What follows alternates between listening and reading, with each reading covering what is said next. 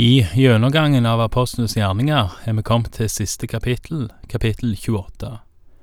Paulus med flere er på vei til Roma, og sist kapittel slutta med at de klarte å komme seg i land etter å ha vært i en stor storm et par uker. De visste ikke hvor de var, men det skal de snart finne ut. Vi leser fra Apostlenes gjerninger, kapittel 28, vers 1.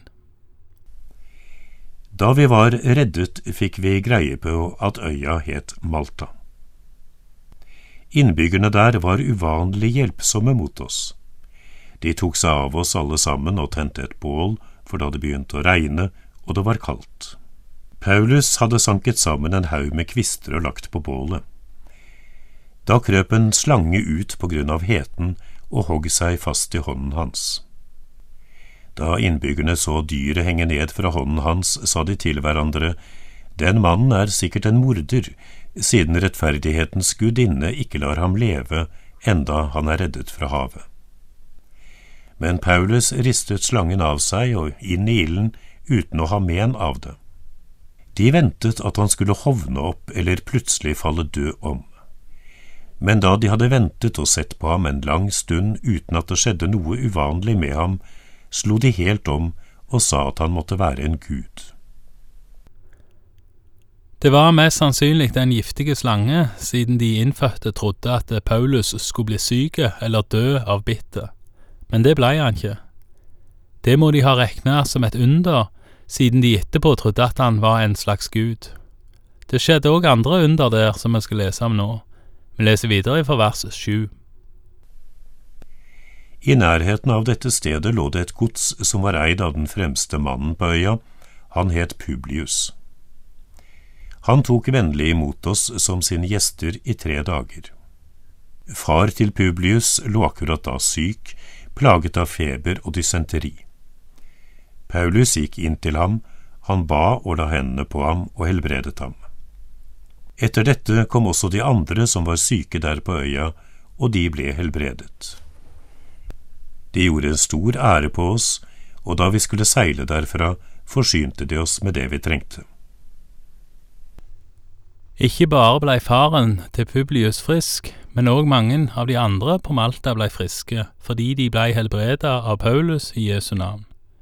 Det må ha gjort sterkt inntrykk, ikke bare på de som blei værende igjen på Malta fordi de hørte hjemme der, men òg på de over 200 som var med på skipet.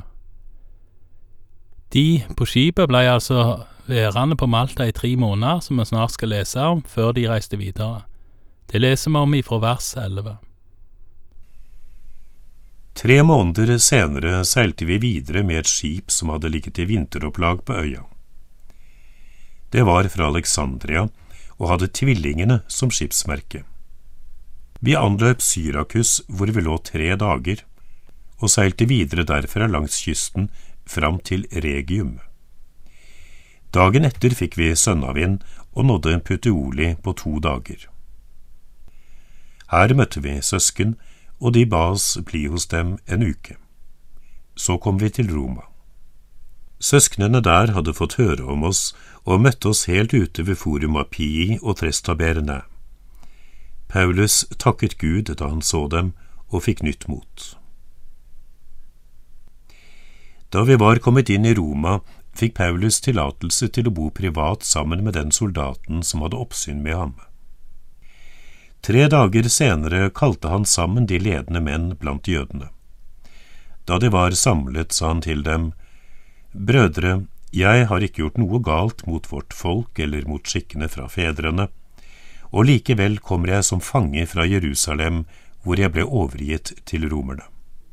De forhørte meg og ville løslate meg fordi jeg ikke hadde gjort noe som fortjente dødsstraff. Men da jødene satte seg imot det, ble jeg tvunget til å anke saken min inn for keiseren, uten at det betyr at jeg anklager mitt eget folk. Av denne grunn har jeg bedt dere komme hit, for at jeg kan treffe dere og tale med dere. For jeg bærer disse lenker på grunn av Israels håp. De svarte, Vi har ikke fått noe brev om deg fra Judea. Heller ikke er noen av brødrene kommet hit for å gi beskjed eller si noe vondt om deg. men vi vil gjerne høre deg selv si hvordan du tenker. For om denne sekten vet vi i alle fall at den blir motsagt overalt. Igjen så leser vi at Paulus går til jødene i den byen han kommer først. Nå vel å merke med et litt annet innsteg enn tidligere. Denne gangen er det ikke for direkte å forkynne at Jesus er Messias, det kommer mer indirekte seinere, mener jeg. Det Paulus kommer til jødene for, er å etterspørre om det har kommet anklager om han ifra jødene i Jerusalem. Det har der ikke gjort, kanskje merkelig nok, siden de har brukt ganske lang tid på reisen sin til Roma. Men Paulus får avtalt at han skal redegjøre for hvordan han tenker en kommende dag, og det leser vi videre om i forvers 23. De avtalte en dag med ham og kom dit hvor han bodde. De var enda flere enn første gang. Fra morgen til kveld forklarte og vitnet han for dem om Guds rike og ut fra Moseloven og profetene forsøkte han å overbevise dem om Jesus. Noen av dem ble overbevist av det han sa, mens andre var vantro. De gikk fra hverandre dypt uenige, men ett ord fikk Paulus sagt dem. Med rette sa Den hellige ånd til fedrene deres gjennom profeten Jesaja. Gå og si til dette folket, dere skal høre og høre, men ikke forstå, se og se, men ikke skjelne. For dette folkets hjerte er blitt fett. Tungt hører de med ørene, og øynene har de lukket til, så de ikke kan se med øynene, ikke høre med ørene, ikke forstå med hjertet, og ikke vende om så jeg får helbrede dem. Derfor skal dere vite at denne Guds frelse er sendt til hedningene, og de skal høre. Da han hadde sagt dette, gikk jødene bort mens de diskuterte heftig med hverandre. Igjen så leser vi at Paulus både forkynner for jøder at Jesus er Messias, og at Jesus da er den frelser som jødene har venta på.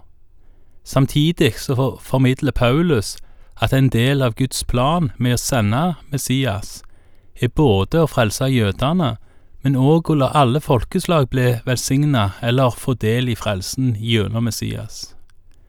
Igjen så ser vi at Paulus ikke forkynner noen form for erstatningsteologi, mener jeg, men heller at det frelse gjelder begge, jøde først og så greker.